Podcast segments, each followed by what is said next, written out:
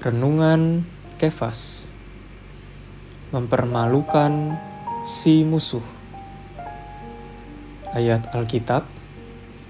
1 Korintus pasal 11 ayat 10 Sebab itu perempuan harus memakai tanda wibawa di kepalanya oleh karena para malaikat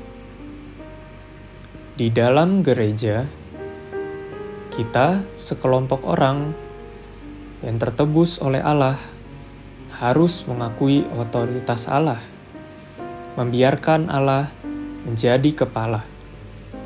Sebab itu, Dia menghendaki kita menyatakan hal ini melalui penudungan kepala.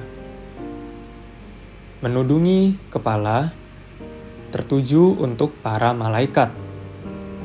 Tanda ini menyatakan kepada mereka bahwa meskipun di antara malaikat ada yang tidak taat kepada otoritas Allah, tidak mengakui dan membiarkan Allah menjadi kepala, tetapi kita, manusia yang tercipta dan tertebus ini, tidak demikian.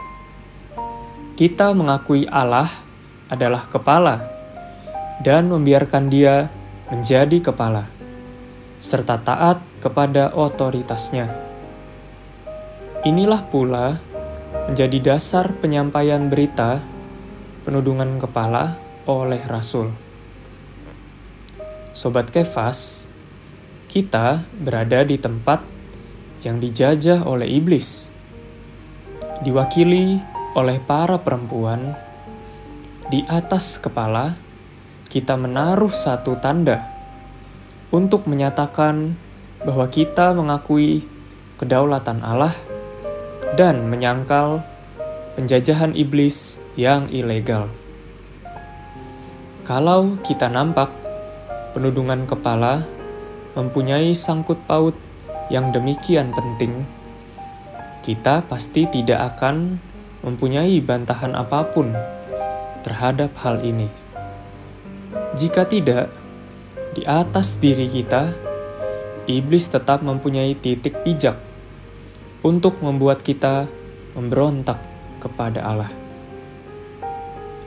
Terang hari ini, satu, apa pentingnya mengakui hal penudungan kepala? 2. Kepada siapakah makna penudungan kepala itu ditujukan? Poin doa 1. Doakan di dalam penghidupan gereja menjunjung otoritas tertinggi, yaitu Allah sendiri. 2. Ketaatan setiap orang terhadap firman-Nya.